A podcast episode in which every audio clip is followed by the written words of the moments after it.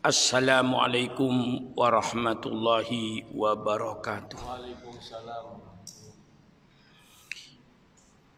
Bismillahirrahmanirrahim. Alhamdulillahi rabbil alamin wassalatu wassalamu ala asyrafil anbiya'i wal mursalin sayyidina wa habibina wa syafi'ina wa maulana Muhammad wa ala alihi wa ashabihi ajmain. Subhanaka la ilma lana illa ma 'allamtana innaka antal alimul hakim. Wala haula wala quwata illa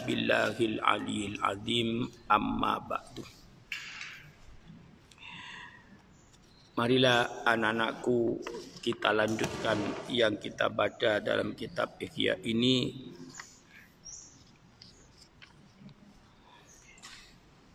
untuk mengoreksi diri kita, untuk membersihkan diri kita dari sifat-sifat yang tercela dan dapat diganti dengan sifat-sifat yang terpuji.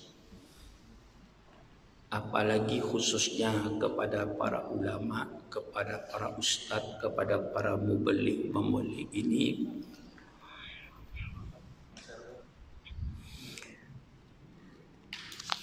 supaya kita ini membersihkan diri kita ini dari sifat-sifat yang tercela.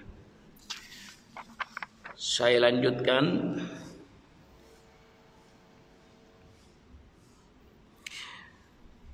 di dalam kitab Ihya ini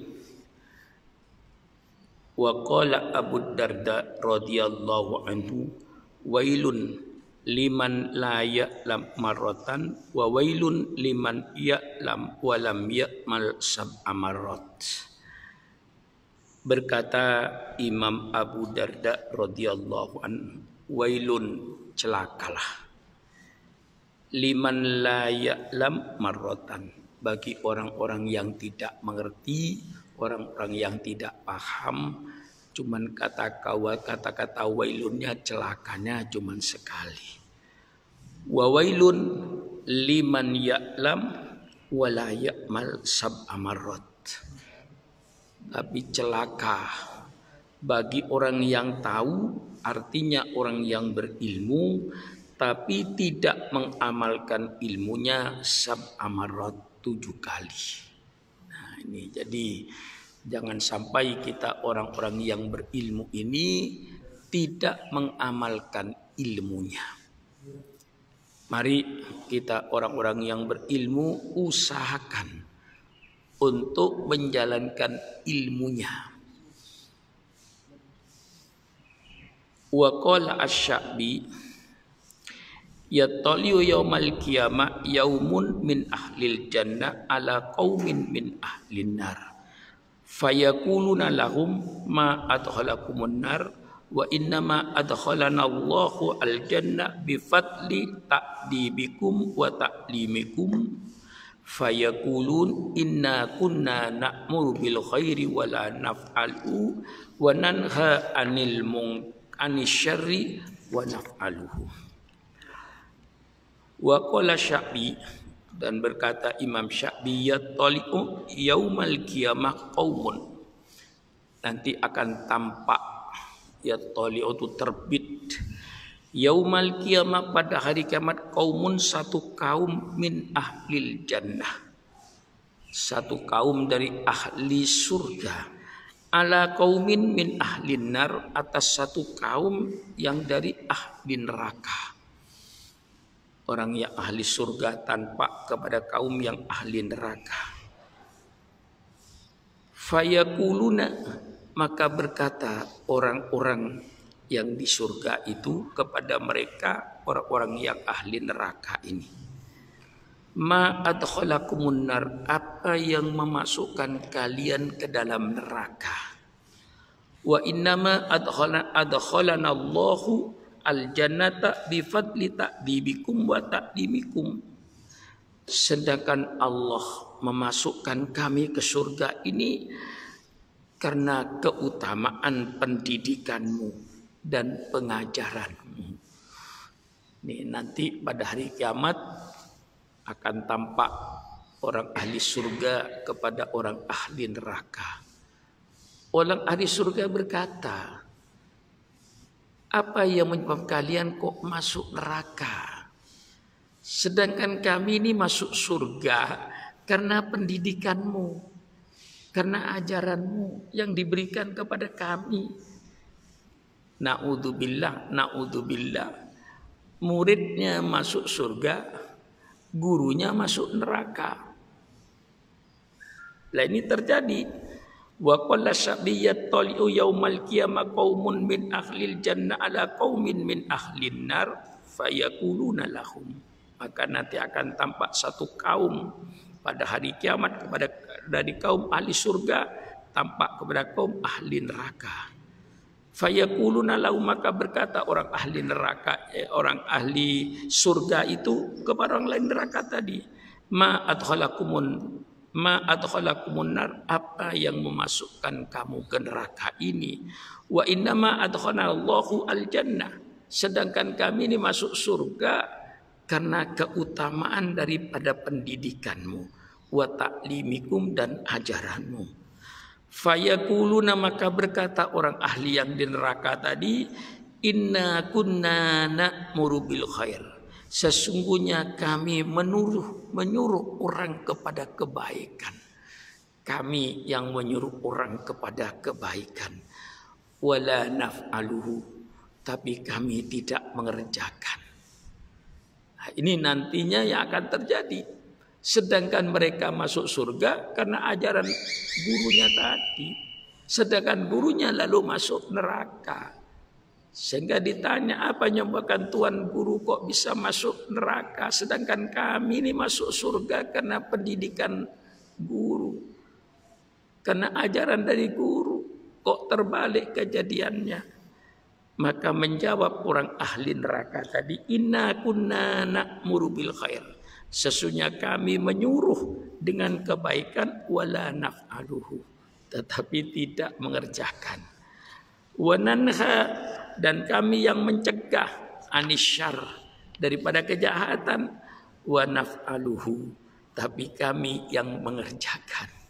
Jadi yang sering saya katakan kalau maklar-maklar bis di terminal itu bagus menunjukkan orang yang masuk terminal ke mana dia mau pergi. Mau pergi ke Cirebon, mau pergi ke Bandung, mau pergi ke Banten, oleh makelar ditunjukkan ditarik tangannya. Untuk ditanya ke mana anda ke Bandung, Bandung, Bandung, Bandung. Orang disuruh ke Bandung, mereka didudukkan ke Bandung. Orang yang disuruh ke Bandung sudah berangkat ke Bandung. Yang nyuruh berada di mana? Yang menyuruh berada di terminal. Malah mungkin Bandung pun gak, gak tahu. Cuman nyuruh. Lah, mohon maaf yang sebesar-besarnya. Jangan sampai menjadi mobelir kayak makelar di terminal. Kalau makelar di terminal bagus. Kalau mau balik orang disuruh sholat, sholat, sholat, sholat yang nyuruh sholat tidak sholat. Orang yang disuruh jujur, jujur, jujur. Yang nyuruh jujur maling.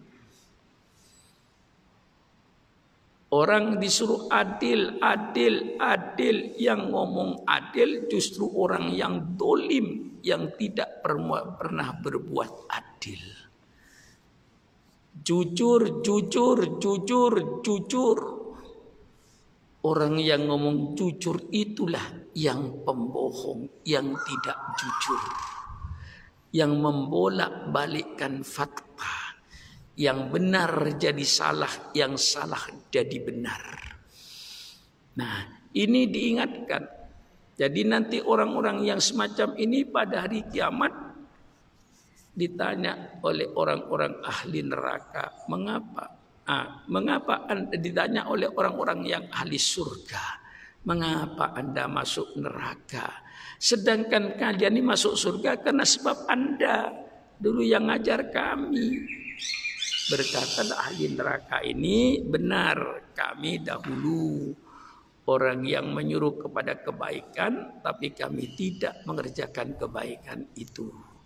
Kami yang menyuruh mencegah dari segala macam bentuk kejahatan dan kedoliman. Justru kami yang mengerjakan kejahatan dan kedoliman itu itulah sebabnya kami masuk neraka. Na'udzubillah min dalik. Nah inilah kepada peringatan pada diri kita. Nah, justru itu kita membaca ini bukan untuk orang lain, untuk yang membaca termasuk saya sendiri. Dengan membaca kitab Ihya itu kita lalu sadar di mana kedudukan kita ini. Apakah benar kita ini ketika kita menyuruh orang sholat kita yang pertama kali sholat. Sebagaimana ketika Torik bin Siad menyeberang Selat Gibraltar, dia menuju ke Spanyol. Begitu mendarat semua kapalnya, dibakar oleh Torik bin Syed itu. Mengapa kapal-kapal itu dirusak dibakar? Agar mereka nanti tidak lari.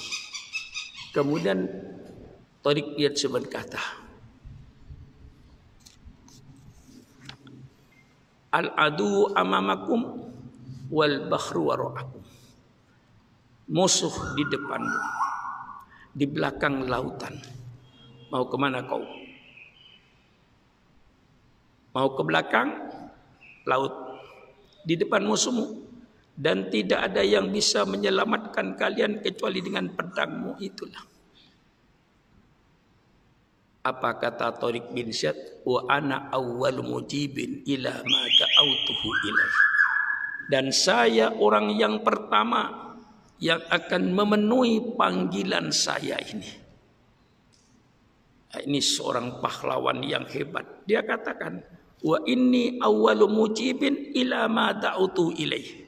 Dan saya orang yang pertama yang akan memenuhi panggilan saya ini. Dibuktikan oleh Torik bin Ziyad, dia meluncur berhadapan dengan musuh itu diikuti oleh pengikut-pengikutnya. Lah mestinya kita seluruhnya para mubaligh, para dai seluruhnya menjadi orang yang pertama kali menjalankan apa yang dia serukan. Menyeru orang supaya jujur, dialah yang harus jujur pertama kali. Menyuruh orang supaya berbuat baik, dialah yang berbuat baik pertama kali. Supaya tidak terjadi sebagaimana yang terjadi dalam kitab Ihya itu.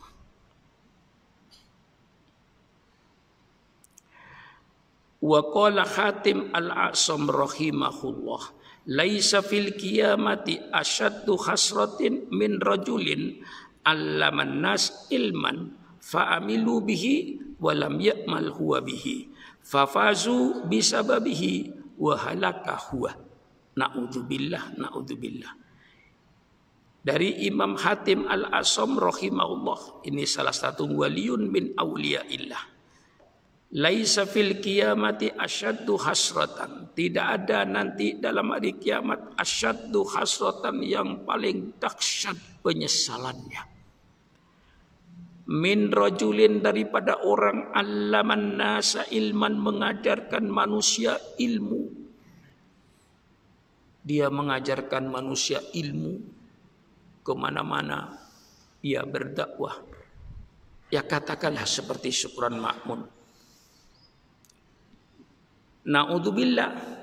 Fa'amilu bihi kemudian orang-orang tadi mengamalkan ilmu yang diberikan oleh kiai tadi. Walam ya'mal huwa bihi dan kiainya tidak mengerjakan ilmu tadi. Fafazu maka mereka murid-muridnya akan beruntung bisa babi karena sebab guru tadi. Wahalakahuwa tapi gurunya tadi, kiainya tadi hancur, lebur. Jangan menjadi mubalik ibaratkan kayak lampu lilin. Ya, semuanya tahu lampu lilin itu.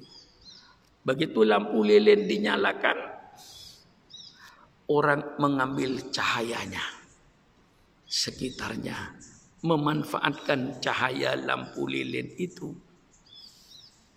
Tetapi apa yang terjadi pada lilin itu sendiri? Lilinnya hancur, meleleh. Nah, itulah ibaratkan mubalik, ibaratkan kiai yang mengajarkan ilmu tapi dia tidak mengamalkan. Ibaratkan lilin ketika dinyalakan bercahaya terang. Orang sekitarnya memanfaatkan cahaya lampu lilin itu. Tetapi ternyata lilinnya sendiri hancur binasa. Jalan menjadi kiai kayak sumbu kompor Sumbu kompor-kompor dinyalakan, semua orang masak di atas sumbu kompor itu. Orang memanfaatkan. Tetapi sumbu kompornya sendiri habis terbakar hancur. Subhanallah, na'udzubillah. Lah inilah guru gunanya. Saya membaca kitab ayat untuk diri saya dan untuk saudara-saudara untuk menyadari mari kita bersihkan kotoran-kotorannya supaya dalam perjalanan hidup kita nanti bersih. Lihat contohnya Rasulullah sallallahu alaihi wasallam sebelum Isra dan Mi'raj. Oleh malaikat Jibril dibawa Rasulullah ke sumur Zam-Zam dibelah, dicuci hatinya, Apakah timbul pikiran, oh kalau begitu hati Rasulullah berarti Rasulullah kotor, salah. Hatinya Rasulullah bersih, imannya kuat, tabahnya kuat. Mengapa oleh Jibril masih dioperasi kemudian dibuang? Katanya sifat-sifat kotorannya diganti dengan sifat-sifat yang bersih. Itu hanya sekedar untuk ditunjukkan kepada umatnya untuk dijadikan pelajaran kepada umatnya bukan berarti hatinya Rasulullah kotor hati Rasulullah bersih cuman diajarkan kepada umatnya lihat itu nabimu sebelum mengadakan perjalanan jauh kuatkan imannya kuatkan sabarnya kuatkan tabahnya mengapa karena dalam perjalanan itu nanti pasti banyak godaan-godaan yang akan dihadapinya. Hanya dengan iman yang kuat. Dengan ketabahan dan kesabaran yang kokoh. Dia akan mampu menghadapi tantangan-tantangan hidup dalam perjalanan hidupnya. Itu yang digambarkan ketika Isra Mi'raj ini. Maka perlu kepada kita di kekuatan iman kekuatan sabar, tabah. Karena dalam perjalanan banyak godaannya. Termasuk ketika itu Rasulullah dikasihkan percontohan dalam Isra Mi'raj itu. Godaan-godaan yang dihadapi oleh Rasulullah. Tapi Rasulullah seluruhnya selamat. Karena sudah dibekali. Oleh sebab itu, mari kita bekali diri kita ini supaya kita tabah melawan tantangan-tantangan hidup ini. Wa qala Malik bin Dinar, innal alima idza lam ya'mal bi ilmi ilmihi zallat mau'idatuhu anil qulub kama yasilul qatru anis sofa wa ansyadu.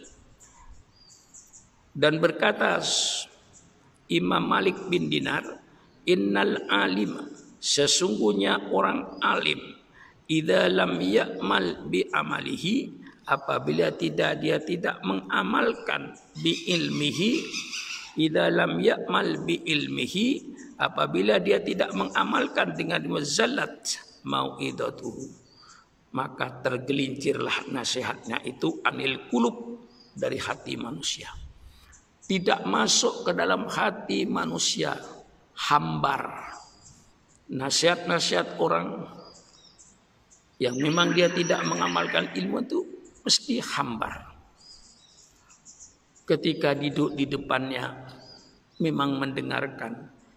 Tetapi biasanya nasihat semacam itu yang datang daripada ulama-ulama yang tidak mengamalkan ilmunya, nasihatnya tidak membekas dalam hati pendengarnya. Zallat mau'idatuhu anil kulub. Sebagaimana tergelincirnya nasihat itu dari hati-hati manusia. Kama yazilu al-qatru anis sofa. Sebagaimana tergelincirnya titik air kepada batu yang besar itu. Tidak penyerap. Itulah nasihat-nasihat para ulama yang mereka tidak mengamalkan ilmunya ibaratkan kayak begitu. Tergelincir daripada hati-hati manusia ini. Inilah anak-anakku yang saya sampaikan dalam kesempatan ini. Mudah-mudahan Allah menerima ibadah kita. Allah menerima solat kita, puasa kita, sujud kita. Dan mudah-mudahan Allah mengampuni segala dosa kita. Dan selalu kita minta kepada pemilik alam semesta ini. Ya Allah, Ya Allah, Ya Allah. Ya dafi al bala, ya dafi al bala, ya dafi al bala. Itfa annal bala wal waba wat taun wa virus corona min baladina hada khassah wa min buldanil muslimina amma. Ya hayyu ya qayyum ya azizu ya ghaffar ya arhamar rahimin irhamna. Ya tawab tub alaina innaka antat tawwabur rahim. Wassalamu alaikum warahmatullahi wabarakatuh.